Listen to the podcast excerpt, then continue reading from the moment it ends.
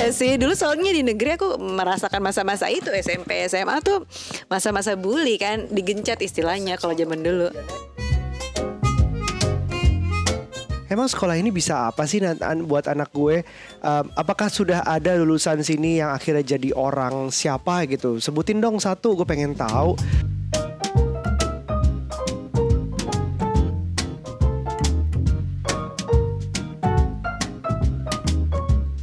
Ibu, ibu, anak kita dua aja cukup kan ya? Eh cukup deh tahun Ah, ini, ah. tahun ini. Eh, apa maksudnya? Tahun ini dua, tahun Nggak nggak cukup. cukup Salah satu dua. concern kita um, anak itu penting adalah pendidikannya buat anak. Ya nggak? betul. Pendidikan itu uh, makin banyak pilihan, which is good. Tapi juga ada beberapa yang harganya juga lumayan. Wow. Nah, jadi kayak kita di sini menyambung dari episode podcast kita kemarin yang Ngomongin dana pendidikan. Uh, ntar dulu kemarin kita ngomongin duit suami Oh, milik duit. siapa Terus Iya. kita biasanya kenapa sih kita butuh perencanaan keuangan Karena kalau kita adalah dana pendidikan utamanya Utamanya. Jadi uh, punya anak dua Yang pertama udah siap Eh tiba-tiba yang kedua uh, kaget Terus tiba-tiba siapnya agak telat agak telat. Nah tapi sebenarnya sebelum menyiapkan dana pendidikan Ada yang harus dipentingkan lagi adalah Anak itu mau sekolah apa sih? Iya benar, harus sepakat dulu itu ya. Harus sepakat dulu anaknya mau sekolah seperti apa, level apa, harga berapa, di mana, uh, bentuk uh, kurikulumnya kurikulumnya seperti apa. apa. Nah ini kita karena kita bukan ahlinya tentang pendidikan di Indonesia itu ada pilihannya apa aja. Yes. Kita mengundang uh, sosok yang cukup familiar sama kita dan cukup kita look up tuh dalam usur urusan pendidikan. Yes. Dan Gitu. karena itulah kita milih anak kita sekolah di situ. Disclaimer dari awal. Alasan yang cukup kuat sebenarnya. Karena kita kalau ada apa-apa, bu ini kenapa? Uh, welcome Ibu Najila Shihab. Hai Bu Ella. Hai, Aku Ella. suka bingung kalau kita di sekolah manggilnya Bu Ella, tapi kalau lagi di luar sekolah aku manggilnya Mbak Ella, Mbak Ella Mbak gitu Ella kan. aja. Mbak Ella aja. Mbak Ella ini adalah seorang penggiat pendidikan Yes. yang banyak sekali em, inisiatifnya ya. Salah Yang satunya ada keluarga kita. keluarga kita. Salah duanya ada, lagi semua murid, semua guru. Salah tiga kayaknya banyak lagi Salah deh, tiga bisa makin dikit nilainya kalau salahnya makin banyak bu. Jadi gini bu, um, ya itu concern yang masih terus Iya. uh, kita pertanyakan. Nah, Walaupun kita sudah menentukan sekolah di mana, walaupun kita sudah menyiapkan dana pendidikannya, tapi kan um, kita tetap melihat ini ini saat ini masih Aira tuh masih pre-kindi, masih ada TK, SD, SMP, SMA, kuliah yang kita nggak tahu ya bisa aja perubahan tuh ada terus gitu.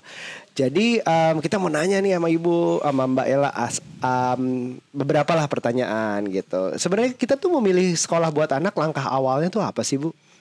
Pertama sih kalau kita ngomong kan aku selalu bilang kalau ngomong pendidikan tuh sebenarnya lebih dari sekolah kan. Benar. Ya. Makanya kalau kalau ngomong dana pendidikan pun pasti eh, teman-teman juga ngomongnya sebenarnya ya dana sekolah, dana Iya. les, bahkan dana traveling itu juga sebetulnya dana, Dana pendidikan. pendidikan, gitu Iya kan. sih. Karena itu proses. Nah, jadi, Iya. jadi kalau kita ngomong pendidikan itu tuh yang paling penting tuh paham tujuannya sih.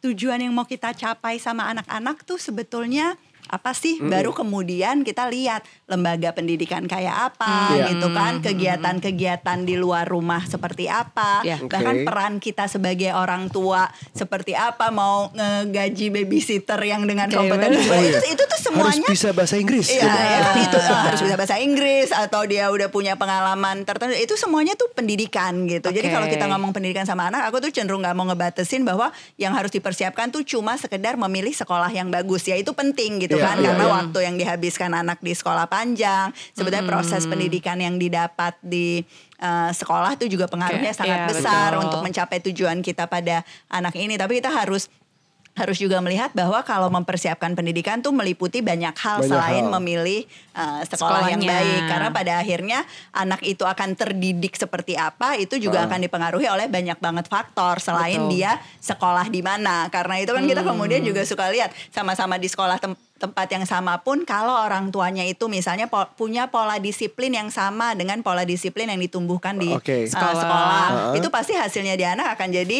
jauh lebih Jauh. optimal gitu Hmm, kan betul. kalau misalnya orang tuanya memang memupuk uh, minat dan bakat anak di bidang-bidang yang sesuai dengan karakternya anak ini. Jadi kegiatan di luar sekolahnya menunjang gitu. Nah itu uh, juga pasti akan lebih optimal. Atau buat sebagian orang tua mungkin sekolah bukan pilihan. Homeschooling gitu kan. Ah, jadinya informal dan uh, non formal itu semua pendidikan gitu sebetulnya gitu. Jadi dasarnya mungkin awal banget begitu anak lahir itu adalah orang tua kan yang Betul, dilihat. betul. Nah, orang tuanya itu harus siap uh, menjadi Aku sih pengertiannya anak itu awalnya selalu mencontoh dulu melihat Betul. apa pun yang dia lakukan kayak mengcopy dulu secara tidak Iya. langsung akibatnya orang tuanya juga harus um, ya kasarnya sejak anak lahir harus harus behave Harus jadi menjadi pendidik, contoh harus jadi pendidik. Iya, betul. jadi kayak Harus aku lucu ada cerita teman-temannya temanku nih aku dengar dari podcastnya teman juga itu podcastnya Adri dia tuh bapaknya bahasa Inggrisnya so-so tapi ibunya bahasa Inggrisnya Bagus. masih anaknya di anak wajar lah orang tua pengen anak lebih baik daripada orang tuanya. Sekolahnya bahasa Inggris ini kebetulan uh, bisa nyekolahin anak kayak gitu. Akibatnya anaknya jago bahasa Inggrisnya lebih jago dari orang tuanya dari bapaknya. Dari bapaknya. lebih jago dari bapaknya. Jadi udah gede setiap uh, ya gede SD gitu setiap argumen sama bapaknya dibalasnya sama bahasa Inggris jadi bapaknya kalah terus. Tapi anaknya berarti mencapai tujuan dia punya Mencapai kemampuan tujuan. negosiasi dan berargumentasi nggak? Karena kalau kita ngomong tujuan mempersiapkan Iya, tujuan uh, gimana tuh? mempersiapkan Tujuan, pendidikan iya. anak-anak kalau kita ngomong eh, kita harus tahu dulu pertama tujuannya apa. Kita tujuannya pengen anak kita jadi apa. Nah yang kita harus hati-hati banget kita harus mikir tujuannya nih tujuan buat masa depan loh. Iya. jadi banyak banget orang tua yang bilang saya pendidik yang baik buat anak saya gitu ya. Saya mau milih sekolah yang bagus tapi yang ada di kepalanya tuh masih tujuan masa lalu. Tujuan yang sebetulnya nggak relevan Oh. untuk mempersiapkan anak ini ke masa depan. Jangan-jangan sekolah yang kita pilih tuh mengencourage justru skill-skill yang udah nggak penting buat masa sekarang Bener instead of sih. future skills yang ada Bener. uh, di depan jadi kebayang aja sekarang Aira 20-30 tahun lagi tuh dunia yang akan dihadapi kayak apa, sih kadang-kadang nggak bisa nebak bahkan profesi yang kayak nah justru Uh-uh. karena nggak bisa nebak aku selalu bilang sebetulnya tujuannya tuh jadi lifelong learner karena perubahan itu begitu cepat profesi-profesi yang kita bayangkan sekarang ataupun kita bisa prediksi di masa depan pun belum tentu ada, Ada, ya, betul. dan sebagainya Iya, iya. maka yang kita mau adalah anak-anak yang sebetulnya punya kegemaran belajar punya kemampuan beradaptasi punya keterampilan-keterampilan transdisiplin ya kreativitas sikap kritis Iya, iya, iya. komitmen gitu Kayak kan. soft skills berarti iya, ya, yang yang akan berguna jadi jadi apa pun nanti di profesi apa pun bagaimanapun dunianya itu banyak banget. Sebetulnya adapt. riset yang menunjukkan bahwa itu kemampuan eh, namanya bisa macam-macam ya kemampuan abad 21 soft Iya, skills eh, keterampilan Oh, literasi tingkat tinggi dan oke. sebagainya. Itu yang harusnya jadi tujuan. Nah problemnya kalau kita ngomong milih sekolah lagi-lagi masih banyak orang tua yang mikir tujuannya adalah ujian nasional Wah. eh, tujuannya adalah akreditasi Oh, Iya, iya, eh, iya. tertentu Iya, gitu ya. iya, atau iya. tujuannya yang kayak sama sama sekolah saya di masa lalu gitu kan yang Iya. yang sebetulnya perlu direfleksikan lagi ini tujuan-tujuan atau kriteria-kriteria kita Hmm. itu sebetulnya matching nggak sih jangan-jangan kita ngomong soal mau menyiapkan anak eh, untuk bisa terdidik menghadapi masa depannya semua yang kita lakukan pada saat kita mendidik anak di rumah ataupun kita memilih sekolah kita sendiri yang terperangkap karena kita too attach sama our past gitu sama pengalaman kita pada saat kita sekolah. Itu bikin inovasi di pendidikan tuh susah banget. Jadi banyak sekolah yang inovatif malah dipertanyakan kok kayak gini sih kok kayak gini sih kok Iya, nggak sama benar, seperti yang saya alami dulu padahal ini Iya. adalah sekolah-sekolah atau metode-metode pendidikan yang sebetulnya yaitu sedang memprediksi yang dibutuhkan yang anak 20 dan tahun, mempersiapkan 30 untuk masa tahun. depan Iya. gitu. Sebenarnya kayak gini nih bu, Eh, case-nya adalah dulu aku anak eh, digit, jadi aku anak negeri gitu. ya. Sama. Saya juga Oh, gitu kan? Aku, SD, SMP, SMA, kuliah negeri terus. iya, jadi di kita sekarang nih eh, mungkin udah udah agak berubah. Pengennya anak di swasta, karena tahu dulu ya ada painfulnya lah ya di sekolah negeri tuh kayak apa Maksud gitu. saya saya dulu di, di di sekolah dipukul anak saya dipukul nggak ya gitu iya, dulu tuh zamannya yang guru-guru aku tuh kalau misalnya galakin galakin anak-anak siswanya dikasih ketek gitu-gitu loh bu. Oke. Jadi kita tuh Aku gak pernah ngalamin sih negeri. nggak Nggak Ya, yang itu- itu- itu. dihukum, di setrap dan sebagainya Aku sama. Tapi kalau dikasih ketek belum itu SMP-nya aku sama sama sama Nuca tapi beda Iya, tiga angkatan kita beda angkatan. Jadi di kalau salah tuh Aduh, ada yang dipukul penggaris, ada yang kalau bajunya keluar dipelorotin, dimasukin tapi di depan orang-orang, iya. ada dikasih ketek kalau lay up basket nggak masuk diketek ini gitu-gitu loh. Maksudnya Tuh, beneran tapi Dan bu itu tuh benar-benar itu kan sebetulnya gambarin budaya sekolah kan yang kita Iya. dapat dan ya pola disiplin kayak apa yang Dan ditumbuhkan. karena hal itu justru kita pengennya anak-anak kita di swasta aja deh. Gitu. Mungkin lebih aman dari kayak gitu-gituan gitu kan. Terus tapi ada ada pikiran juga di kita. Kayaknya nanti pas level dia SMA itu kan dia harus tough. Kalau gitu kita cemplungin dia di negeri yang kayak gitu gitu bayangan kita. Soalnya kan Biar kita ngerasa biar kita jadi bisa tough melewati masa-masa itu gitu. SMP SMA yang ya pendidikannya kayak gitu. Cuman nah di beberapa temanku ternyata aku temui juga kayak gitu. Mereka masukin anak-anaknya untuk yang early stage kayak gini nih eh, apa pre-kindi dan lain-lain maunya swasta. Tapi begitu SMA dia udah punya target semua sekolah negeri. Karena apa? Karena biar tough kayak kita kita dulu gitu. Kalau di psikologi itu dibilangnya better get used to it gitu. Si istilahnya yang sebetulnya sangat salah sih. Nah, balik Gitu lagi ya. ke tujuan. Kalau kita bicara tujuan pendidikan itu tuh selalu tujuan jangka panjang. Jadi kalau tadi misalnya aku nangkepnya gini, nggak pengen anaknya jadi nggak pede gitu kan Iya. karena eh, misalnya dibully sama eh, teman-temannya dan gurunya sendiri. Kita pengen anak-anak tumbuh dengan motivasi belajar yang Iya. eh, tinggi bukan karena dipaksa dan sebagainya. Iya. Itu tuh nggak akan selesai pada saat prasekolah atau TK atau SD itu tuh betul-betul butuh proses Panjang jangka ya. panjang. Sehingga sering kali kalau kita tiba-tiba bilang oh kalau misalnya TK SD kita pengen tujuan kayak gini, tapi SMP SMA pakai tujuan yang, Yang beda, berbeda ah. gitu. Itu yang harus kita refleksikan lagi sebenarnya. Jadi tujuan kita tuh yang mana sih? Karena jangan sampai juga salah nih atau kita Ah. jadi inkonsisten. Jadi apa pun yang udah dipupuk dari TK SD itu kayak dikikis habis lagi pada saat di eh, SMP SMA. Nah, gitu jadi ya? makanya kenapa aku selalu mulai dengan tujuan gitu ya. Tujuannya tuh sebetulnya Jadi menuju harus ke konsisten gitu ya, Harus Bu, sangat ya? konsisten karena apa pun kalau kita lihat eh, perkembangan manusia gitu ya, itu semuanya tuh butuh proses. Kalau kita ngomong tujuan kemampuan refleksi gitu ya. Nah. kemampuan untuk berkolaborasi. Iya. itu tuh tantangannya beda loh. Maksudnya bahwa dia sukses di eh, TK SD bisa berkolaborasi kerjasama nggak dibully sama teman-temannya. Tapi untuk bisa dia tumbuh jadi nanti 30 tahun lagi orang yang kalau di kantor nggak dibully punya eh, integrity punya kemampuan kolaborasi dia butuh latihan sampai ke ke ujung sih sebenarnya sampai ke SMA dan sampai ke masa kuliah. Nah, tapi aku juga pengen pengen hati-hati pada saat bikin dikotomi itu sih, Cak. Sekolah negeri, sekolah swasta. Karena antara Iya. sekolah negeri dan sekolah, sekolah swasta itu sebetulnya bukan perbedaan negeri swasta di dalam negeri pun macam-macam ada yang budayanya uh, bagus gitu Iya, iya, ya iya. prosesnya bagus. Bagus. swasta pun itu juga macam-macam jadi Nggak jadi semuanya emang bagus juga, ada semuanya yang- bagus juga Hmm. justru sebetulnya kalau kita lihat di Indonesia itu kualitas sekolah swasta itu lebih banyak yang jelek daripada yang negeri ini yang orang-orang juga banyak nggak Oh, tahu. Jadi oh iya, kalau ngomong tuh? sekolah swasta tuh kebayangnya tuh ya kayak Selalu Cikal gitu kan atau lebih bagus atau sekolah swasta memang dengan standar, uh, Standar. internasional gitu. Mungkin yang ada di yang ada di sekeliling kita kebanyakan kayak gitu. Tapi kalau kita ngomong ekosistem pendidikan Indonesia yang sekolahnya 217 ribuan itu Iya.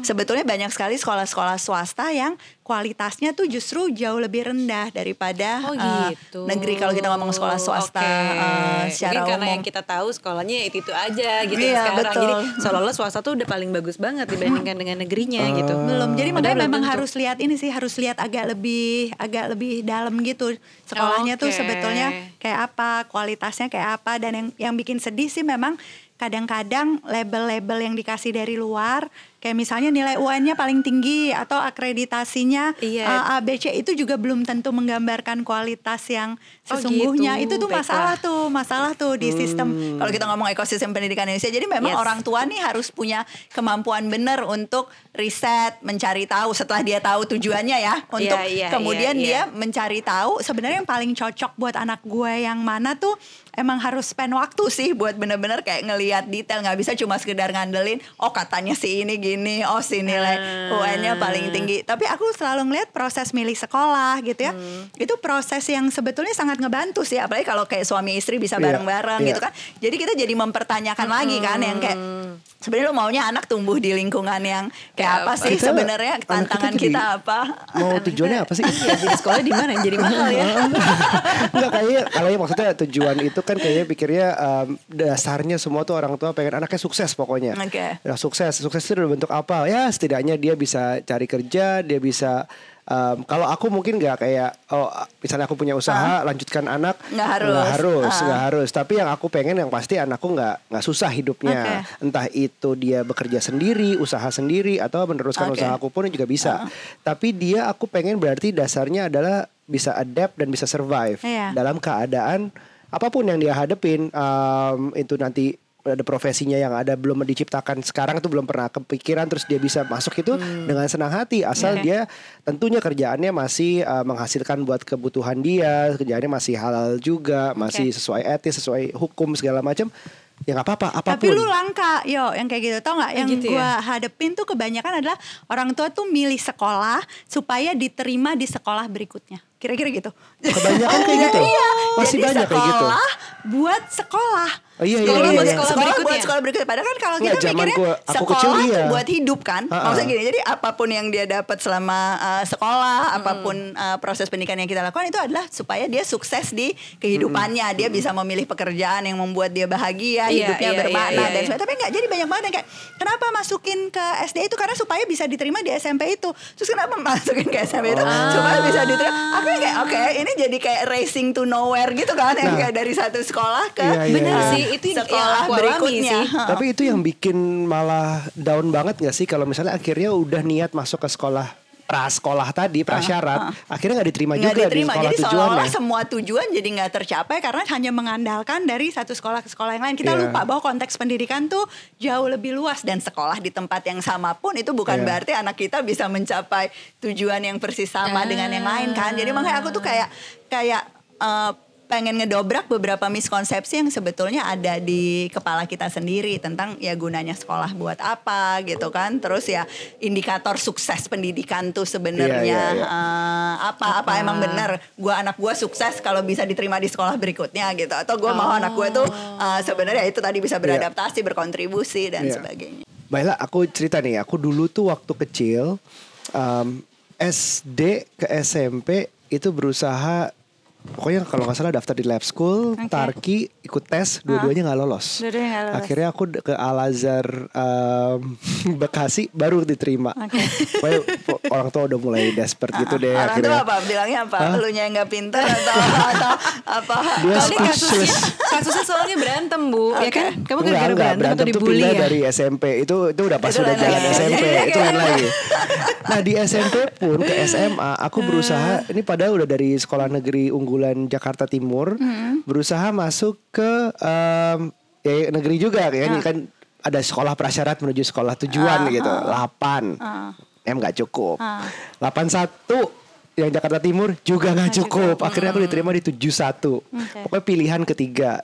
Dan kebetulan akhirnya juga daftar swasta malah keterima. Gitu. Jadi kayak nilaiku tuh nggak pernah cocok gitu. Waktu itu kalau nggak salah harusnya 40 kan nih untuk 8 itu lalu 8 tuh 40. Aku 39, nggak ma- something aku gitu. juga nih korban gak masuk sekolah favorit. Heeh. Dan IP tuh nggak aku aku masuk sekolah favorit tapi tetap merasa sebagai korban pendidikan Jadi nggak pernah dapet yang aku mau secara nilai. Cuman alhamdulillah aku bahagia sama aku saat ini dapatnya seperti apa. Mungkin faktor orang tua juga, mungkin faktor pendidikannya kuliahnya juga. Aku bangga banget sama kuliahnya. Waktu itu pendidikannya oke nih. Akhirnya setelah SD, SMP, SMA gitu-gitu doang, akhirnya gue dapat kuliah yang benar-benar gue nemuin nih cara belajar yang kayak presentasi terus, esai terus. Artinya membentuk pola berpikir yang ya terbik- Yang- terbentuk yang- sendiri iya. gitu, bukan kayak pilihan ganda A B C D Bukan benar atau salah doang gitu kan? bukan jago Iya ngafal sih, jadi kayak punya benar. konstruksi pikiran sendiri gitu dan tambahannya bahasa asing tambahannya gitu jadi bener nggak sih kalau nilai itu nggak penting apa salah nilai itu gak cukup. Jadi Oh. gini, jadi nilai itu kalau kita ngomong pertama nilai apa gitu kan? Eh, nilai ujian nasional gitu Iya. misalnya tadi yang Uh-uh. Aryo ceritakan nilai ujian nasional yang jadi seolah-olah satu-satunya indikator kesuksesan Iya. anak gue sekolah tuh uji hasil nilai ujiannya. Uh-uh. Nggak cukup pendidikan tuh jauh lebih kompleks tujuannya daripada sekedar yang bisa ditangkap oleh sebuah ujian satu kali Oke. dalam bentuk 40 atau 50 soal Pertanyaan, gitu uh-uh. uh, pilihan ganda gitu Iya, kan iya. kira-kira. Jadi yang aku selalu bilang adalah kalau kita tahu bahwa pendidikan itu kompleks, tujuannya banyak, kita juga tahu dong yang namanya karakter, Iya. yang namanya eh, apa eh, kemampuan kerjasama dan sebagainya Iya. itu nggak bisa diukur dari ujian. Jadi kalau Iya. kita kemudian mengatakan ujian apa pun mau ujiannya sekeren apa pun ya tes internasional atau apa kita tahu bahwa setiap ujian setiap ujian tuh pasti dia hanya akan bisa mengukur satu atau dua aspek tertentu dari keberhasilan seseorang jadi kan susah dong kalau kita ngomong oke a- asumsi ini deh yang paling gampang pendidikan tuh kompleks banget sama-sama kesehatan misalnya untuk kesehatan lu kalau periksa darah aja deh Ah. itu lu medical check up deh lu periksa Banyak darah poinnya. juga Ah. banyak banget Ah. poinnya nah ini sekarang UN satu nilai si 40 atau Ah. berapapun Iya, iya. itu lu jadiin indikator buat ngukur anak gue sukses apa enggak sekolah apa benar gitu kan Iya. kan lu kalau mau ngukur tinggi badan berat badan hemoglobin apa itu Iya, juga iya. ukurannya banyak Ah, nah ah, itu yang Iya sebetulnya sih. perlu dipahami oleh orang tua jadi kalau bilang anak gue pinter apa enggak cuma dari nilai UN-nya atau oh, alhamdulillah anak gue berhasil, Berhasil. dua kali lipat lebih berhasil daripada anak lu karena nilai UN-nya anak gue 10 anak lu 5 loh Iya. nggak bener dong gitu kan Iya. kan banyak sekali Iya. indikator-indikator dulu sekolah-sekolah gitu kesuksesan ya. sampai sekarang Sampai sekarang masih kayak masih. gitu masih banyak orang tua yang kemudian melabel anaknya bodoh melabel anaknya gagal atau ngelabel emang guru anak gua nggak becus sekolah Nyalahin anak gue jelek iya, dan iya. sebagainya Iya, iya, benar, karena semata-mata si satu nilai itu gitu kan nah itu kan efeknya buat anak panjang aku selalu Hmm. bilang juga misalnya kalau anak kita nggak diterima di sekolah tertentu Hmm. itu tuh bukan indikator dari anak kita tuh gagal loh Iya, sebetulnya iya. tapi memang anak kita tuh yang nggak fit berarti sama sekolah itu gitu jadi Benar. yang ada tes-tes yang menu, dituntut oleh sekolah itu yang ya kita bisa pertanyakan ya kenapa dia ngetes gitu. Misalnya kenapa sih anak kelas 1 SD dites baca tulis? Kan emang Ah. secara tahap perkembangan dia belum seharusnya Iya, belum uh, seharusnya. bisa baca. Nah kayak gitu tuh ya orang tua tuh bisa panik banget tuh Cak. Anak gue ini ya Belum berarti sekolah di baca." sekolah yang jelek. Karena dia nggak diajarin baca tulis sehingga dia nggak bisa diterima di SD itu. Lah kalau aku sih mikirin kayak yang aneh tuh si sekolah yang ngetes anak umur 6 tahun Ah. Baca tulis. baca tulis gitu. Jadi bukan anak lu yang bego atau an- atau lu gagal sebagai Orang orang, tua. tua. Ya lu balik lagi tujuan lu dalam membaca menulis tuh apa sih? Kan tujuan jangka panjang kita pengen dia jadi pembaca yang mandiri, bisa paham apa yang dia baca, bisa mengekspresikan gagasannya dalam bentuk tulisan. Itu semuanya tuh tujuan-tujuan jangka panjang. Nah, kalau anak kita baru masuk TK ke SD udah kita label ah kamu nggak bisa baca, nggak bisa nulis cuma karena dia Iya. nggak bisa mengeja dan membaca dengan baik. Padahal berapa bulan lagi juga dia umur enam setengah tahun. Iya. Itu mungkin udah Udah udah, bisa bisa, ya. apa nggak kita ngerugiin anak kita sendiri Ah, tuh ah. yang ada tuh gini uh, karena case-nya itu. Hmm. di di lingkungan aku ya yang anak-anaknya masih prasekolah ini karena dia tujuannya adalah ke sekolah misalnya let's say sekolah A gitu ya yang menuntut untuk bisa baca tulis. akhirnya anaknya ini udah sekolah udah pre-sekolah eh ya pre-sekolah juga tapi Les. juga jadi Cuman kayak demi baca tulisnya itu. ya betul Oke. Cuma demi satu tujuan yang sebenarnya tujuan jangka pendek gitu kan. Padahal ya itu aku bilang berkali nggak mungkin anaknya nggak bisa baca gitu. Nah orang tua tapi kadang-kadang tuh ngelihat maraton ini tuh jadi kayak sprint-sprint eh, Iya, kecil gitu kan. Yang kayak, benar. nah yang yang sedih sebetulnya iya kalau lesnya nggak berdampak apa-apa. Tapi yang aku lihat dalam kenyataan banyak banget anak tuh yang justru jadi nggak senang membaca dan nggak senang menulis karena dapat pengalaman belajar membaca dan menulis di awal yang dipaksakan. Sehingga Oh. kemudian ngelihat baca itu jadi beban Pressure, gitu kan nggak ngelihat bahwa membaca itu menyenangkan cuma semata-mata karena orang tua kayak pengen diterima di sekolah Bener. tertentu atau kayak pengen lebih cepet baca dari ipar atau anak tetangga Iya, gitu. kompetisi- Tapi lupa- kompetisi lupa gitu. tujuan jangka panjangnya tuh kita pengen Apa? anak tuh ya suka membaca bisa paham isinya dan sebagainya Bahkan sekarang aku sempat mikirin jadi kayak anak-anak yang nilainya bagus-bagus tuh pasti kerjanya kan belajar terus ya. Kapan dia ada waktu untuk main, untuk sosialisasi. Iya, bahkan banyak loh bab yang full. Jadi sekolahnya udah sampai sore, abis itu les lagi. Les lagi. dan lesnya lagi itu belum tentu les yang eksplorasi minat dan bakat Bukan, yang lain tapi kayak Tapi ngulang akademis. lagi apa yang Ah, dipelajari di benar. sekolah kan Iya, gitu. gitu. Karena merasa kurang terus Itu tambahin. Stres gak sih jadi anak? Jadi itu tuh banyak banget anak yang di sekolah pun dari pagi sampai sore yang ada latihan buat ujian. Jadi kurikulumnya itu semua dirombak total seolah-olah tujuannya ada dapat nilai tinggi Ujian. ujian. Pulang sekolah bimbel lagi buat ujian Nilai lagi. itu, Nah, ujian. kapan dia dapat kesempatan buat eksplorasi aspek-aspek yang lain yang banyak penting banget. dalam hidupnya. Nah, harusnya Iya banyak sih. banget itu. Benar-benar. Jadi kalau kita sini sekarang udah tahu tujuannya apa nih misalnya kayak aku tadi kira-kira tujuanku begitu walaupun tujuanku tuh kasih bisa refine terus ya selama hidup. Terutama kalau kena pressure lingkungan Kayaknya tujuan gue salah nih Kayaknya benar tujuan Kayaknya anak Kayak- Itu lain iya. lagi topik lain Iya, iya, iya, iya, iya. Maksudnya aku ke- lebih ke arah kayak ya tujuanku kira-kira begitu. Walaupun nanti misalnya dia kan akhirnya suatu saat pasti akan bilang, oh aku mau jadi ini. Oke kita dengerin. Kamu mau Betul. jadi ini. Em, belajarnya apa aja ya? Ya coba kita bantu gitu. Itu kan maksud aku merefine seperti itu Betul. mungkin. Dengan mendengarkan pendapat anak mendengarkan lebih banyak pendapat gitu anak. kan Betul, ah, betul. Nah terus, nah kalau udah tahu tujuannya apa kira-kira tadi, bentuknya tuh ada seperti apa aja sih kan kita menentukan sekolah tadi bisa jadi dari selain biaya ada juga lokasi, ada juga kayak kurikulumnya apa, ah, misalnya lingkungannya seperti apa, sekolahnya seperti apa, itu apa aja sih bu faktornya? Oke, kalau kalau ngomong udah tahu tujuannya apa, berarti kan kita udah tahu oke peran kita di pengasuhan di rumah harus gimana, sekolah yang dicari harus yang ngedukung itu Iya, gitu iya. kan. Nah, faktor utama dari sekolah tuh ya tentu kurikulumnya sebetulnya. Nah, Iya. tapi kalau kita ngomong kurikulum pun itu kebanyakan kita tuh mikirnya kurikulum tuh yang diajarin tuh apa, materinya apa. Kalau Oke. di kalau kita yang orang pendidikan tuh bilangnya tuh lebih ke konten atau thought kurikulumnya. Oh. yang tangible kurikulumnya. Jadi mata pelajarannya apa gitu kan? Itu Oke, aja yang yang kita bisa lihat. dilihat ya. Yang bisa Ha, dilihat ha, ha. gitu. Atau Padahal sebenarnya kalau kita ngomong kurikulum tuh ada yang tangible kurikulum, ada yang intangible, Intangible, oke. ah, kurikulum. Tapi memang Oke. orang tua tuh kalau keliling sekolah biasanya ngelihatnya nih misalnya eh, fasilitas olahraganya tuh Apa, banyak kayak banget ya, bagus gitu. Oke. Tapi dia lupa lihat, oke yang diajarin di pelajaran olahraganya tuh apa sih gitu. Apakah kalau misalnya nih ya tujuan pelajaran olahraganya apa? Kalau fasilitas sebanyak itu apa tujuan lo anak lo mau jadi atlet?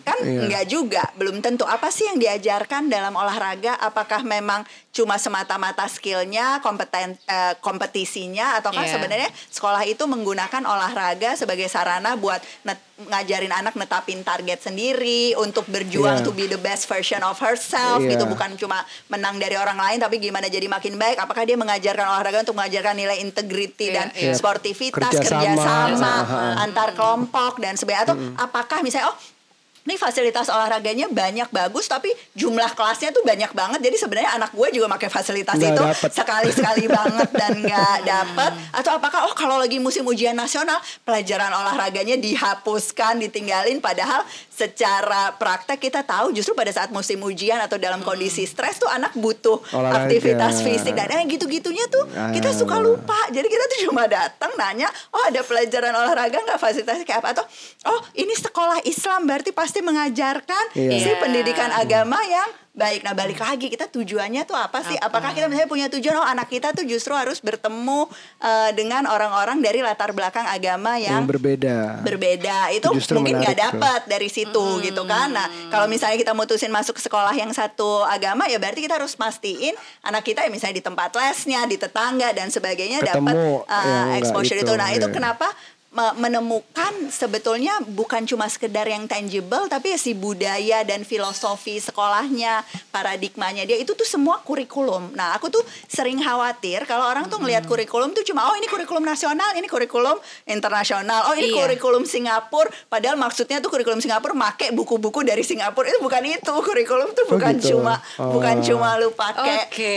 buku-buku Berarti ada yang apa. salah nih selama ini ibu-ibu yang dipikir ya kayak gitu aja sih bu. Betul, betul. Atau kurikulum ujiannya apa? Jadi ini kurikulum Cambridge, ini kurikulum IB, gitu IB, misalnya ah. atau apa. Padahal maksudnya ya itu tuh ujiannya Cambridge di Oh, gitu. akhir. That's not kurikulum. That's not kurikulum. Jadi kalau lo ngomong Montessori, Iya, sekarang Montessori lagi hits banget. Montessori itu approach bukan kurikulum. Jadi jadi Oke, semua oke, oke. sekolah jadi kayak kayak Cikal gitu ya. Kita I- ada IB nggak? Ada akreditasi IB. Apakah kita menggunakan Montessori sebagai approach? Iya.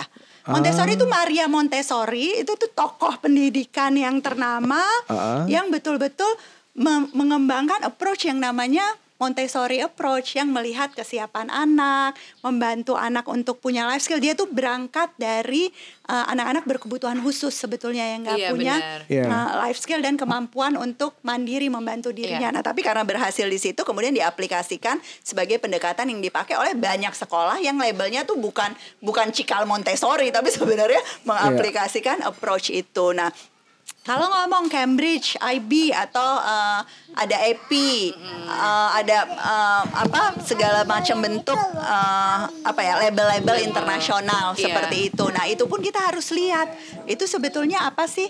Apakah dia ujian akhir? Iya. Jadi misalnya pun mm, sekolah di sekolah tertentu semua muridnya ikut ujian Cambridge, tapi nggak perlu sekolah di sekolah Cambridge pun itu tuh bisa ikut beberapa uh, Oh, ujian Cambridge gitu oke. kan. Nah, terus kalau ngomong IB, IB itu apa sih? IB itu curriculum framework.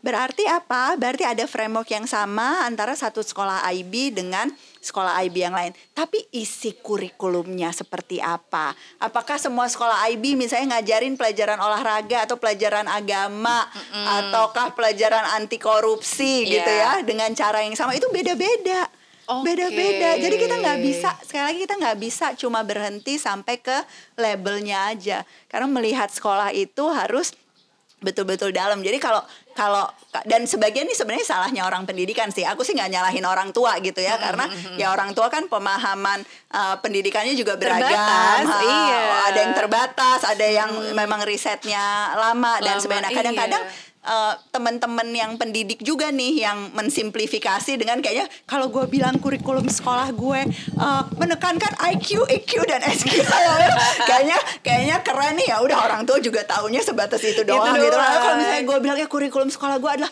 kurikulum Finlandia gitu kayaknya orang tua oke. Oke. aku tuh selalu bilang juga sama teman-teman pendidik tolong jangan disimplifikasi dong. Memang pemahaman orang tua sering kali terbatas gitu ya mereka eh, juga banyak yang ya kemakan marketing gimmick dan sebagainya tapi kita Iya. sebagai pendidik tuh punya tanggung jawab Iya, sebetulnya iya, iya. untuk membuat semua orang memahami yang dimaksud dengan kurikulum sekolah tuh eh, apa Apa? sehingga pada saatnya semua orang tuh bisa memilih yang paling cocok buat dia karena kalau salah memilih sekolah tuh cocok-cocokan kok Nah, taunya gimana tuh Bu tentang- dari awal kan kalau misalnya tengah-tengah kan terus gimana tuh? kalau misalnya salah jurusan. Iya, salah Kalau- jurusan. Kalau aku sih nyuruh pindah Salah sekolah jurusan. biasanya.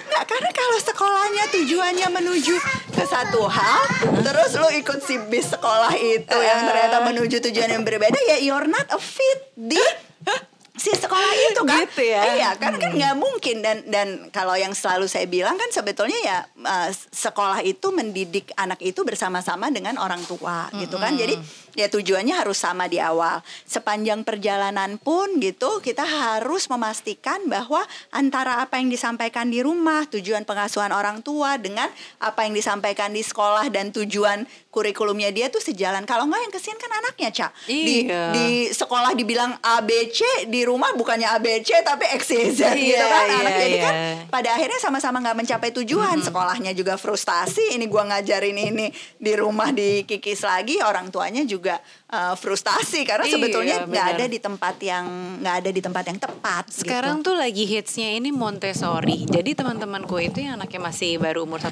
tahun, semua kan metode mentos- Montessori di rumah gitu kan. Jadi seolah-olah nanti pengen anaknya tuh dilanjutkan ke sekolah yang Montessori dan ternyata cikal aja Montessori tapi nggak disebut gitu Iya, kan. iya, iya. Dan keba- dan sekolah-sekolah yang menyebut dirinya apa Montessori, apa Montessori itu kan udah lumayan banyak banget. Banyak Dari mana banget. kita tahu itu yang paling terbaik atau misalnya ya ternyata nggak segitu Montessori-nya misalnya gitu. dan butuh lebih dari itu. Maksudnya Iya. Montes- Montessori itu kan approach-nya. Tapi kurikulum itu ada kontennya. Jadi oke approach-nya Montessori. Kontennya pakai konten apa? Kurikulum nasional kah? Standar internasional kah? Gitu kan. Terus metode pengukuran assessmentnya. Itu tuh dia pakai assessment apa? Apakah ada assessment yang internasional standar juga? Ataukah pakai assessmentnya ujian nasional aja? Apakah selain tes tertulis dia ada bentuk assessment lain? Kayak misalnya kayak di Cikal kita ada project gitu kan? Itu uh, iya, iya, iya. uh, bentuk assessment akhir. Nah itu jadi kurikulum tuh meliputi banyak banget hal. Kalau kita ngomong satu approach pun ini tuh yang terakreditasi tuh sekolahnya atau gurunya yang tersertifikasi itu kan juga juga ya. lain banyak Iya, banget iya, Nggak, sorry iya, ya iya. ini gue bukannya mau coba bikin kayak kompleks dan Iya, iya, iya. susah Iya. aku cuma mau menempatkan pada proporsinya bahwa uh, ya please look closer gitu kalau ngelihat Iya. sekolah karena banyak banget juga dan ini saya bilang berkali-kali sama sesama uh, pendidik gitu Iya. ya, baik yang di sekolah, yang di kampus uh, dan sebagainya.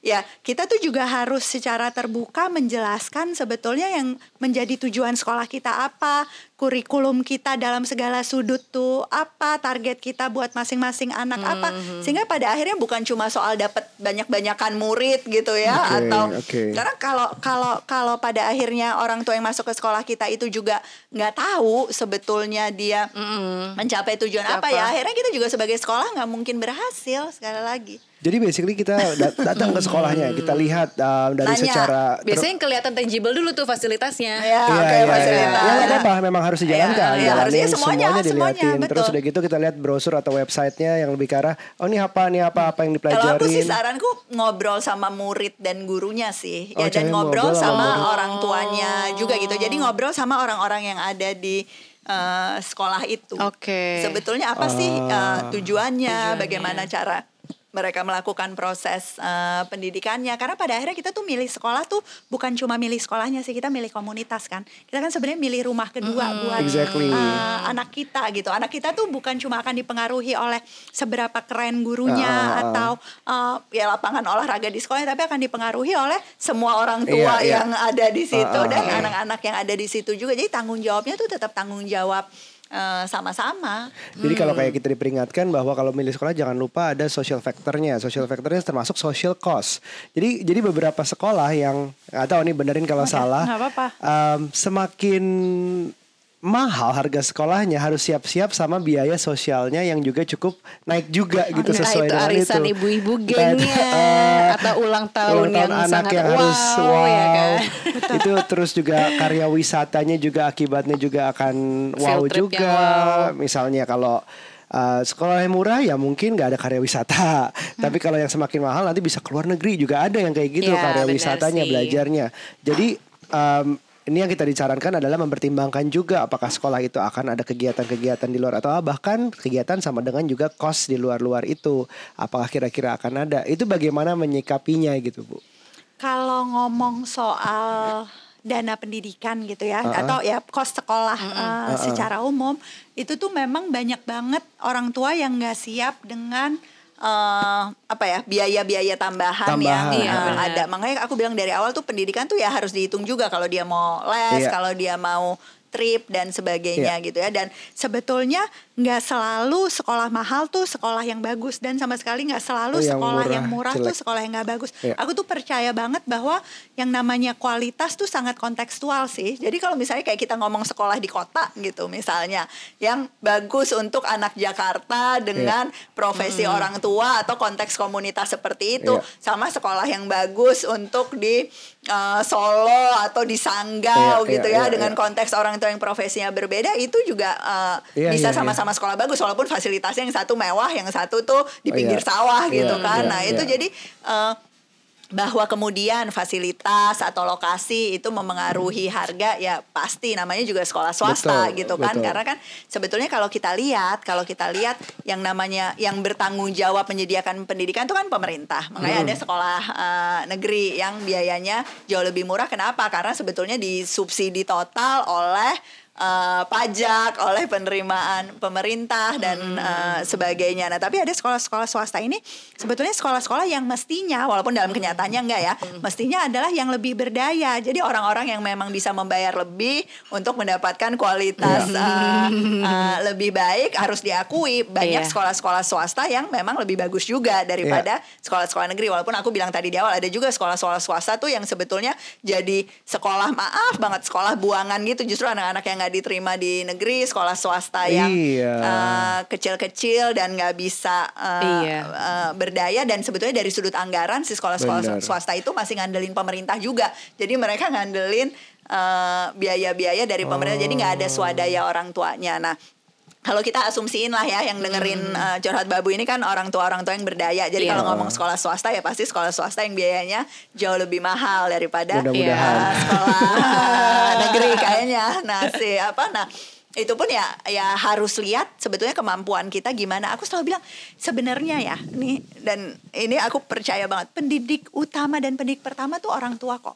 Kalaupun lu masukin anak lu sekolah yang menurut lu bagus banget, udah mahal banget, mm -hmm. terus lu mikir dengan itu lu udah nggak perlu ngapa-ngapain lagi mm. sebagai orang tua, ya itu juga salah. Nggak mungkin sekolah tuh nggak akan bisa yeah. mencapai semua mm. yeah, yeah. Uh, tujuan pengasuhan. Tapi kalau lu masukin sekolah itu dengan memang anggapan bahwa I will still need to do my part tapi si sekolah ini gue percaya kurikulumnya uh, sesuai sama kebutuhan anak gue gue percaya tujuan pendidikannya sebetulnya sejalan dengan tujuan pengasuhanku di rumah dan you'll becoming a partner yang betul-betul yeah emang bisa jalan sama-sama hmm. ya tapi tetap aja harus sekolah yang bisa di afford ya ngapain yeah, maksa diri betul. untuk untuk uh, apa menghabiskan uh, biaya yang biaya. sebetulnya kita nggak sanggup itu kan Betul. juga bukan pendidikan yang baik buat anak-anak tahu loh kalau misalnya kita kayak iya. kebebanan iya, bayar iya, uang iya. Bener, uh, bener. sekolah terus jadi jadi stres mm -hmm. karena mm itu itu pada akhirnya ngerugiin anaknya juga walaupun kita niatnya mm -hmm. uh, baik gitu kan mau ngasih yang terbaik, terbaik. buat anak tapi sebetulnya nggak terbaik dalam yeah. konteks itu harus disesuaikan berarti ya jadi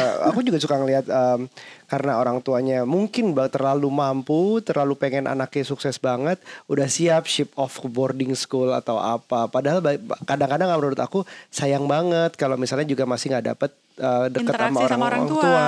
Uh, tapi tujuannya apa dulu sih memang betul, balik lagi kalau memang uh, di boarding school itu benar bisa memberikan jauh lebih baik buat anaknya walaupun tanpa orang tuanya ya sudah why not tapi kalau misalnya masih orang tuanya bisa jadi pendidik yang baik itu akan lebih berharga gak sih maksudnya? Iya boarding school ya balik lagi harus lihat sekolahnya kayak apa. Terus mm -mm. yang sebenarnya gini kalau nyari yang sempurna 100% sempurna tuh juga ya. pasti yeah. gak ada. Jadi kalau misalnya aku tahu dia uh, kurangnya di sini, misalnya oke okay, oh aku sebenarnya pengen banget anakku hafal Quran mm -hmm. gitu misalnya, mm -hmm. tapi terus sekolahnya nggak ngajarin itu, yeah. tapi iya. dalam aspek-aspek lain yeah. uh, cocok. Nah itu berarti kan saya harus nyarinya itu misalnya si si lesnya lah, yeah. si iya. kegiatan ngaji di rumah yang bareng ibunya mm -hmm. lah dan sebagainya itu yang memang buat banget ngafal Quran. Jadi yeah. balik lagi ke kebutuhan anaknya apa, tujuan di masa depan apa yang bisa kita lakukan sebagai orang tua, yang bisa kita dapat dari sekolah, yang kita bisa dapat dari yeah. les, yang kita bisa dapat dari bacaan yeah, atau iya, media yeah, yeah. itu mm -hmm. tuh apa karena pendidikan yeah. tuh ya emang uh, keseluruhan. Kemarin aku dapat um, sempat baca di storiesnya teman bahwa dia uh, shock sama harga sekolah sekarang gitu. Hmm. Uh, aku lupa dia sebut sekolah apa tapi aku nggak poinnya bukan itu tapi yang dia tanyakan adalah emang sekolah ini bisa apa sih buat anak gue? Um, apakah sudah ada lulusan sini yang akhirnya jadi orang siapa gitu? Sebutin dong satu, gue pengen tahu. Emang anak gue begitu tujuannya adalah anak dia akan bisa jadi apa? Jaminannya hmm. apa? Sekolah yang harganya sudah tinggi itu uh, jadi itu itu yang itu yang seru banget sih aku ngeliatnya ini cukup cukup dia kan cukup punya banyak followers terus dia kayak gitu di siapa sih? Bisikin dong. Ah jangan nanti aja. Terus oh oke. Okay. ya ya nggak apa-apa sih. Memang wajar berpikir seperti itu karena lo akan menghabiskan duit yang mungkin cukup signifikan hmm. juga buat dia. Uh, kebetulan sekolah ini juga boleh dibilang sekolah yang kebanyakan harga tinggi ini kan baru ya um, banyak sekali yang harganya bahkan sampai kalau kuliah pun itu lebih murah di luar secara hmm, tuition fee-nya. Okay. Mungkin sekolah itu lebih mahal di luar kalau um, travel fee-nya, living cost fee-nya itu jadi jauh lebih mahal. Tapi harga sekolahnya sendiri banyak banget kuliah atau SMA yang sebenarnya gratis atau lebih murah daripada sekolah di yeah. sini gitu. Mm -hmm. Nggak kalau misalnya kayak kita ngomong dalam konteks uh, bukti gitu uh, ya. Uh, uh. Sebetulnya kan sesederhana ini, sesederhana uh, kalau yang sistem lama itu sekarang kan udah terbukti gagal, setuju nggak? nah kalau banyak nah, nah, nah, karena gini udah jelas kalau kita ngomong si sistem konvensional yeah. yang hanya menekankan pada hafalan yeah. gitu kan dengan sistem pendidikan Indonesia ini tuh bukan aku loh yang yeah, bilang yeah. sistem pendidikan Indonesia itu gawat darurat semua data tuh nunjukin nah. bahkan murid-murid kita yang lulus dari SMA negeri yang yeah. bagus pun itu kemampuan reading comprehensionnya kemampuan dia untuk kemudian lulus sarjana tingkat penganggurannya uh, tinggi dan iya, sebagainya. Iya. Jadi jadi pertanyaannya tuh untuk bisa fair harus dua. Jadi bukan cuma apa sih Iya. buktinya si Iya. sekolah-sekolah. Aku nggak mau bilang sekolah mahal sih, sekolah-sekolah non konvensional dulu deh. Iya, Kita bilang ya karena sekolah non konvensional pun ada yang mahal atau enggak. Tapi si Iya. sekolah-sekolah model baru ini buktinya apa gitu Iya, kan? iya. Itu it's a very fair question and I will Iya. give you the answer sesudah Oke. ini gitu ya. Tapi jangan lupa pertanyaan itu ada apa buktinya si sekolah-sekolah zaman dulu yang konvensional yang nggak berubah, yang nggak inovatif selama puluhan tahun itu memang pada akhirnya akan menghasilkan kualitas lulusan yang baik. Karena yang kita temukan setiap hari adalah orang-orang kayak aku, aku nih Ha-ha. pendidikanku konvensional negeri. Iya. Cuma yang setiap hari sebenarnya sampai sekarang masih bertanya kita menghabiskan waktu sekian banyak untuk belajar Belajar semua hal apa? itu buat apa sih? Banyak banget hal yang kayak Aryo cerita tadi yang kayaknya gue baru benar-benar belajar pas kuliah deh, Iya, iya. pas udah mm, Iya benar. udah Iya. bisa nah nggak maksudnya jadi kan balik lagi ke pertanyaan apakah sih Iya. sistem pendidikan yang konvensional itu masih relevan untuk Iya. masa depan karena Ah. untuk sekarang pun Ah-ah. itu kita bisa punya jawaban buat sekarang aja udah nggak relevan udah Benar. terbukti Apalagi. nggak berhasil apalagi lu ngomong 20 30 tahun lagi are you Ah. sure you want to do and repeat the same mistakes gitu Aku tahu dengan apa yang beberapa- dilakukan itu Aku tahu beberapa pendengarku pasti akan yang bilang um, Tapi biasanya baik-baik aja. nah exactly patokannya adalah enggak gue sekolah negeri gak apa enggak gue baik-baik aja you have to look at the bigger wider picture bahwa Iya. secara skala nasional we're struggling gitu Iya, because you are you're probably the exception of the system Exactly. gitu. Lo You're probably- probably the- karena mungkin ya kayak aku berapa persen ya karena gitu. si keluarganya mendukung gitu Iya. kan Iya. karena dapat kesempatan tapi if you're talking about the bigger Iya. ekosistem di Indonesia itu aku tuh yang kayak udah gemes banget gawat Bener, darurat benar-benar nggak semua anak udah di sekolah pun gitu sebetulnya Hmm. belajar dan mendapatkan kualitas dan mengalami perubahan gitu dalam aku kehidupannya Nah, kepentoknya di mana di saat aku cari staff nah, kerasa banget kan Wah kerasa, banget Kerasa susah sih. banget Ah. nyari staff yang sesuai dengan yang aku mau. Padahal ini loh ini name-nya bagus, sekolahnya bagus, tapi kok kayak oh aku nggak dapet Iya gitu. dan itu kan pada saat ngomong nyari staff, ngomong di profesi, apalagi profesi-profesi Ah, ah, ah. yang Iya. jauh lebih beragam sekarang itu sebenarnya kita mikirnya bukan hasil ujian kan, kita mikir Iya. kemampuan berpikir kritis, kemampuan Biasanya menyampaikan pendapat, Ah, ah. kemampuan untuk itu hal-hal yang sayangnya selama ini tuh bukannya ditumbuhkan malah dimatikan dalam Iya. sistem pendidikan kita. Nah, kalau ngomong soal sekolah-sekolah yang inovatif, sebetulnya nggak baru-baru amat yo. Jadi Oke. banyak eh, sekolah-sekolah yang eh, di Indonesia pun gitu ya udah menghasilkan eh, lulusan gitu kan, Iya. udah menghasilkan orang-orang yang misalnya udah bisa diterima di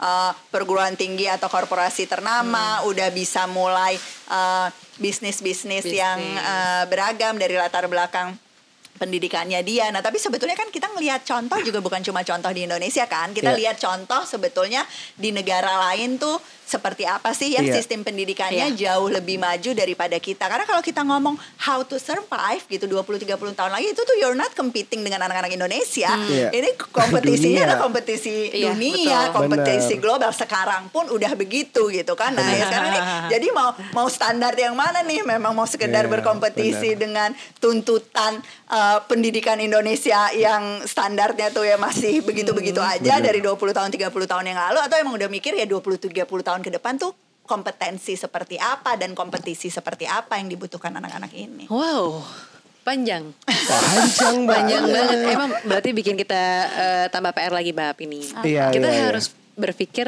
eh, yang tadinya kita mau cemplungin anak seolah-olah kayak lo harus tes untuk lebih tough lagi, Heeh. masukinlah ke sekolah negeri atau ke sekolah apa gitu loh. Yang padahal kita udah Iya. build dari awal tuh misalnya nih dengan eh, approach tadi misalnya Montessori dan kurikulumnya apa mau internasional Iya. apa nasional gitu kan.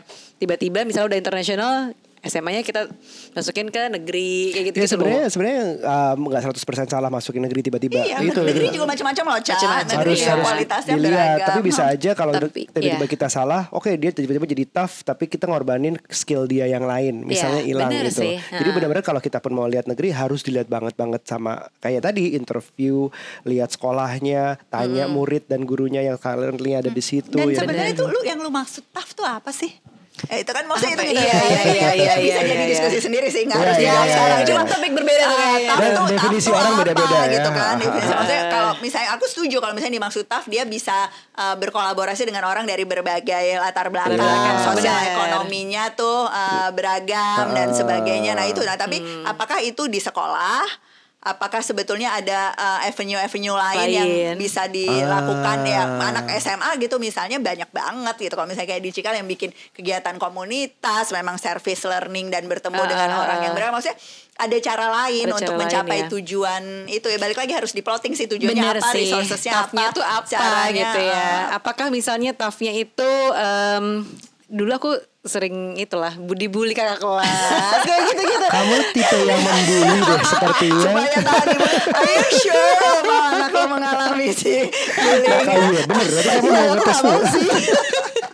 Ada cara lain untuk bisa lebih tough selain melewati penderitaan Iya sih, dulu itu. soalnya di negeri aku merasakan masa-masa itu SMP, SMA tuh masa-masa bully kan, digencet Kita istilahnya set kalau suatu zaman dulu. kejadian aja, nah kita dibully tapi dengan aktor-aktor bayaran kita gitu, biar terkontrol semua. Nggak usah kayak gitu Anak sekarang masuk di sosmed aja tuh resiko di Benar. uh, Itu udah kena bully sendiri ya, itu udah bisa kena sendiri. Iya, Ah, Dan ah, ah, ah. bully itu apa sih manfaat yang diharapkan dari dibully Oh bahwa dia uh, tahan terhadap tekanan lingkungan Iya. Bahwa dia punya pendirian yang teguh dan sebagainya gitu kan Itu kan maksudnya sesuatu, Sesuatu, yang uh, iya. Jadi bukan pengalaman dibulinya kan Sebetulnya Iya. ada ada tujuan-tujuan lain di situ Dan itu Bahkan- bisa ditumbuhkan dengan iya. banyak cara Bahkan bisa belajar dari orang lain yang dibully, dia bisa lihat kasusnya seperti apa gitu mungkin. Oke, Betul, benar-benar betul. benar. Ah, ah. Baiklah. Nah, jadi kalau kita recap lagi bahwa awalnya untuk memilih suatu sekolah itu pertama lupakanlah harga dulu sementara, tapi tujuannya, tujuannya orang tuanya tuh mau anak seperti apa eh, dan akhirnya terus kita kalau udah tahu banget tujuannya apa ya diselaraskan dengan sekolahnya dengan faktor-faktor tadi baru di put in Ya, place. ada harga Ada yang kita harga. sanggup, eh, yang mana, ada lokasi, Lokasi. gitu kan dari sudut eh, jarak yang kita bisa nganter atau dia bisa berangkat Iya. sendiri di mana dan pada akhirnya setelah mempertimbangkan semua faktor itu kayak yang aku bilang orang tua tuh nggak bisa nemu yang sempurna kan Benar. pada akhirnya jadi pasti ada kompromi-kompromi. Nah Iya. tapi proses untuk kemudian menetapkan tujuan, refleksi eh, kebutuhan anaknya seperti apa itu membuat kita kemudian jadi tahu oh gue harus ngelengkapin anak gue nih selain dengan sekolah yang baik tuh untuk si pendidikan yang optimal tuh apalagi sih yang mesti dilakukan Ah. buat itu gitu. Mungkin pertanyaan terakhir ya adalah sampai mana em, anak itu ikut berperan dalam memilih sekolah. Misalnya mulai dari umur berapa atau ada momen tertentu anak ini aku nggak suka sekolah ini, aku pengen jadi ini, aku yang ini. Itu ada nggak sih anak? Apakah itu pure orang tua? Pokoknya kamu harus di sini. Mama, papa udah tahu yang terbaik buat kamu. Abis ini kamu jadi orang yang berhasil. Kalau masuk sini itu gimana tuh? Oke, nah sebenarnya tuh ya kalau ditanya sejak kapan sebenarnya orang tua tuh kan milih sekolah walaupun anaknya belum bisa Betul. ngomong itu tetap berdasarkan kepentingan dan kebutuhan anak, Ah. ya kan? Walaupun anaknya seolah-olah tidak berperan, tapi orang tua yang baik mestinya tuh sensitif nih temperamen Iya. anak gua Ya kan kayak gini, kita kebutuhannya. gitu. Nah, itu topik lain lagi, kebutuhannya kayak gini sehingga emang pada saat dia milih sekolah tuh kepentingan anaknya adalah Iya. kepentingan yang utama Oke, ya. ingat itu. Anaknya besar, dia semakin bisa uh, berkomunikasi, dia Iya. semakin bisa merefleksikan sendiri Iya. si proses belajarnya. Oh, aku cocoknya ini uh, dan sebagainya. Nah, jadi komunikasi dua arahnya tuh akan semakin jalan. Biasanya Baik. sih anak-anak bahkan umur 3 tahun 4 tahun pun udah bisa punya pendapat tentang itu. Walaupun kriteria anak tentang sekolah yang cocok atau bagus buat dia tuh juga kadang-kadang sama terbatasnya sama orang tua gitu kan. Iya. Misalnya anak tuh cuma ngeliat yang kayak oh aku seneng, oh Iya. temanku baik-baik gitu kan yang belum tentu kayak temennya baik-baik itu berarti sekolahnya tuh sekolah yang uh, bagus atau ada juga kalau anak SMP SMA gitu oh ya karena di sekolah itu wifi-nya cepet atau karena anaknya kayaknya keren-keren follower di sosmednya Oh banyak iya iya iya. Oh, itu udah mulai. Itu kita belum, kita belum. belum kan belum nah itu jadi jadi balik lagi ke diskusinya sih sebetulnya jadi menurut kamu sebenarnya yang penting tuh sekolah yang misalnya anaknya keren-keren dan party-party atau Eh. atau justru orang tuanya kayak kalau bisa yang anaknya nerd semua nggak ada party gitu ya. kan itu tapi kan eh, then it becomes a conversation tentang values di keluarga kan Benar. tujuan kita apa pelan-pelan Iya. tuh Waktu anak kita kecil, anak lo umur segini mungkin semua tujuan tentang ya nih anak gue mau jadi kayak apa adanya di kepala orang tuanya. Tapi begitu dia besar dikit kan, sebetulnya kita udah bilang ya tujuannya mama kayak gini itu harus jadi tujuannya dia gitu kan. Jadi bukan Oke. cuma ambisi, Ambisi. orang tuanya tapi jadi ambisi dan tujuannya Oke. dia juga. Nah itu sebenarnya percakapan yang, ih aku udah ngerasain kan anak udah lulus kuliah dan sebagainya itu percakapan yang sangat menyenangkan. Jadi kita tuh juga kayak ngobrol karena banyak banget orang tua yang kayak kalau aku ngobrol nih ya kayak sama Aryo manusia kayak lu tujuannya apa sih pengasuhan pendidikan? Tuh nanti ngomongnya bahagia anakku menemukan karir. Tapi kalau kita ngobrol sama anaknya ntar anaknya bilang menurut kamu tujuan orang tua kamu ke aku tuh apa? Supaya aku kaya supaya aku bahasa Inggrisnya dapat nilai 9 gitu. Jadi jangan-jangan antara tujuan pengasuhan kita atau tujuan kita memilih sekolah tuh kita nggak mengkomunikasikan hal itu ke anak kita. Jadi kitanya tuh anaknya tuh tetap ngerasain kayak tujuan mama kamu apa? Tujuannya supaya aku nilai UN-nya setinggi-tinggi. Padahal ibunya tuh yang kayak anakku tuh stres banget loh sama UN aku sebenarnya nggak pengen. Nah, anaknya tuh sementara Iya, anaknya iya, kayak yang ditangkap sama dia tuh adalah Iya, aku tuh I'm not a good uh, kid. Aku tuh nggak pintar kalau aku nggak bisa. Jadi nggak nyambung. Iya iya iya. Jadi Bener bener bener. Jadi itu bener. udah bisa diajak ngomong itu mungkin sekitar SD SMP gitu udah Kalau untuk kayak terus. sekompleks kayak tujuan pendidikan apa ya SD Uh-uh. eh, kelas 5, kelas 4 tuh sebenarnya anak tuh udah Kritis. udah iya udah sangat kritis dan ya kalau dilatih ya, dilatih Iya. sama orang tuanya lewat hal-hal lain gitu. Itu sebenarnya udah bisa tuh kayak bilang yang kayak aku tuh pinternya apa sih yang aku suka eh, pelajarin tuh eh, apa sih itu tuh udah bisa sehingga kita kemudian udah bisa lihat oh kalaupun ngomongin nilai gitu misalnya oh jadi kamu kalau pelajaran yang ini ini nih kamu pengen bisa dan kamu bisa dapat nilai yang bagus kalau pelajaran yang ini tuh mungkin kamu biasa-biasa aja gitu Iya, kan iya, atau iya. itu kan percakapan yang mungkin kalau kita dulu sih nggak pernah dapat gitu kan Iya, dari iya. orang tua kita pokoknya ranking segini sekolahnya sekolah Benar. favorit dan sebagainya Yang aku dapat dari obrolan ini sih sebenarnya juga em, proses pencarian pembelajaran buat anak, pendidikan buat anak itu ternyata juga sangat penting pembelajaran buat orang tuanya. banget Jadi pembelajaran antara sebagai pasangan Iya. dan pembelajaran sebagai orang tua ngobrol sama anak. Jadi ujung-ujungnya juga ini kan sebenarnya tujuannya untuk anak. Mau nggak mau juga anak juga harus di-involve, tapi dengan cara yang Ya pertama mah awalnya mindset buat anak dan memilihkan untuk anak karena dia belum bisa memilih sendiri, tapi lama kelamaan all the Anaknya way jadi anaknya lebih berdaya, jadi terlibat, berdaya, betul. ikut milih, ikut apa dibicarakan nggak apa nggak serta merta tiba-tiba nurutin doang atau memaksakan terus. Jadi di tengah-tengah lama-lama ketemu pembelajaran banget sih. Iya. Emang benar-benar kita juga harus terus belajar. seru ya jadi orang tua Seru. Seru-seru gimana gitu deh. seru-seru deg-degan enggak lah enggak you'll, you'll, you'll do great aku udah lihat juga benar-benar. Terima kasih Mbak Terima Ella. kasih banyak Mbak Ella atas waktunya. Nah, semoga ini membantu panjang. Hmm. pendengar curhat babu untuk memilih ya setidaknya lebih dekat dengan sekolah pilihannya. Uh, semoga itu tidak memaksakan, tidak membebani siapa pun, membebani anak ataupun membebani diri sendiri. Betul. Itu kalau udah bikin stres salah satu anak atau orang tua ya itu ada yang harus dibenerin berarti ya. tanda-tanda bakal nggak mencapai tujuan Nah, nggak mencapai tujuan. Balik lagi tujuannya apa? Oke. Oke, terima kasih. Sampai ketemu di berikutnya. Bye. Bye.